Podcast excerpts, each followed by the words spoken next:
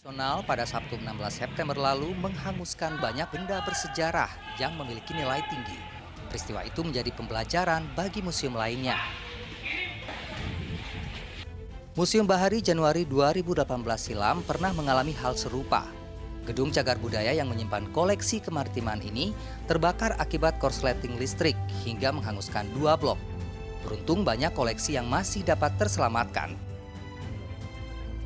Ini area ini, ini bagian atasnya, kemudian ya dengan uh, sisi sebelahnya dan apinya nyambar ke gedung sebelahnya lagi.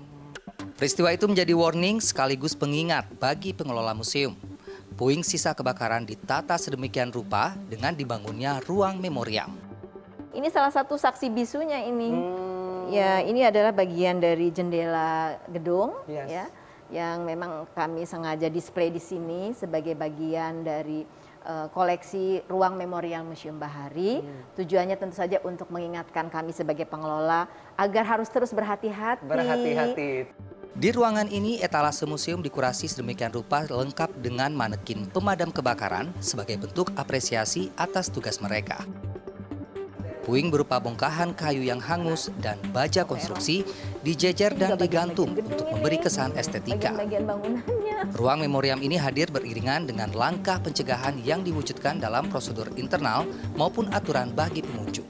Apa biasanya pencegahan atau mitigasinya seperti apa? Ya, yang pasti eh, sesudah ada peristiwa kebakaran ini menjadi pembelajaran bagi kami ya di Museum Bahari. Okay. Antara lain pengetahuan tentang bagaimana menggunakan apar, minimal bagaimana menggunakan apar. Minimal hmm. juga harus tahu di mana itu titik kumpul, ya kan? Okay. Minimal Jalur juga evakuasi. Iya, harus tahu seperti itu. Hmm. Jadi do and don't-nya harus kami rumuskan dalam SOP okay. yang harus diketahui oleh seluruh personil baik itu ASN maupun non ASN di hmm. Museum Bahari ini.